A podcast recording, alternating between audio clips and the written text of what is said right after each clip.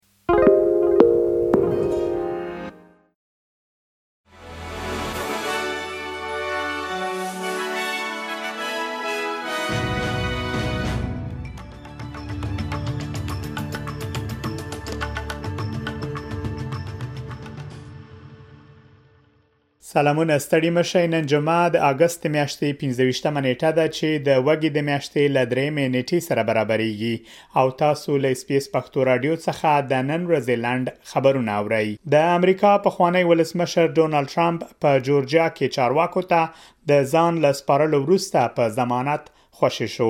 ټرمپ د ناقانونه سوداګریزو کړنو او د 2020 کال د ولسمشریزو ټاکنو په پایلو کې د بدلون پر هڅو تورن دی چارواکي وایي ټرمپ د جورجیا مرکز اتلانتا د فولټن په زندان کې په رسمي ډول له نیول کېدو او له نوموړي څخه د تصویر او ګوتو د نښانونو لا خستلو وروسته په ضمانت خوشې شوی دی. دا په تېرو پنځو میاشتو کې څلورم ځل دی چې نوموړی د امنیتي چارواکو له خوا نیول کېږي. یو نوی راپور ښيي چې یو زیات شمېر آسټرالیایان به په راتلونکو کلونو کې تقاعد شي. سوداګریزې ډلې او اقتصادپوهان د آسټرالیا له حکومت څخه غواړي ترڅو کډوال دغې ستونزې ته د یوې حل لارې په توګه پام کې ونیسي. د حکومت له خوا خپور شوی راپور ښيي چې په راتلونکو څلوېښتو کلونو کې به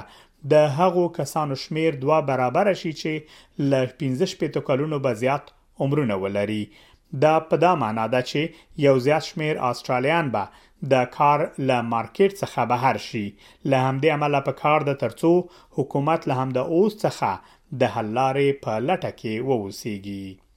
ټاکل شوې ترڅو د استرالیا لمړی وزیر انتونی البنیزی راتلونکې میاشت فلیپین ته سفر وکړي او د یاد هیواد له چارواکو سره د امنیتي او دفاعي همکاریو پر اړه بحثونه وکړي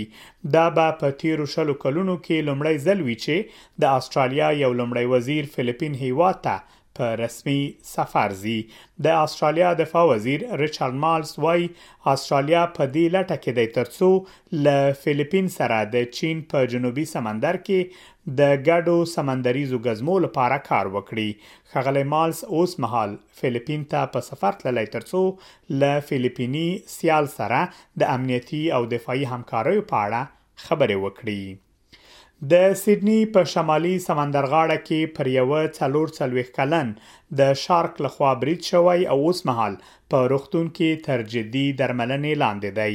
د نیو ساوت ویلز ایالت د امبولانس خدمتونو یو ویاند ویلي دغو خدمتونو ته د سهار پر لسو بجو د پورت مکواري له لایټ هاوس څخه زنګ وهل شوی دی هغه وایي د شارک په برید کې د څلور څلوېښت کلن شخص د بدن پورته برخه او ښکته پښه ټپي شوې ده ټپي شوی شخص د پورت مکوري بیس روغتون ته لیږدول شوی چیرته چې هغه له بیړني عملیات وروسته په جدي حالت کې دی او تر څار لاندې دی تیر ورځ د افغانستان او پاکستان د کرکټ ملي لوبډلو ترمنځ په سریلانکا کې دویمه یو ورځنۍ لوبه تر سره شوه او پاکستان د یوې ویکټې په توپیر سره افغانستان ته ماته ورکړه. دغه سیالي چې د سریلانکا په همبنټوټا ښار کې ترسره شوه، پچه یې افغانستان وګټله او لومړی یې د توپ وهلو پرېکړه وکړه. افغانستان په ټاکلو پنځوس اورونو کې د پنځو لوبغاړو په سوځېدو سره درې سوه او یوه منډه هدف وټاکه او پاکستان د نهو لوبغاړو په سوځېدو سره یاد هدف پوره کړ. دا وه د نن ورځې لنډ خبرونه چې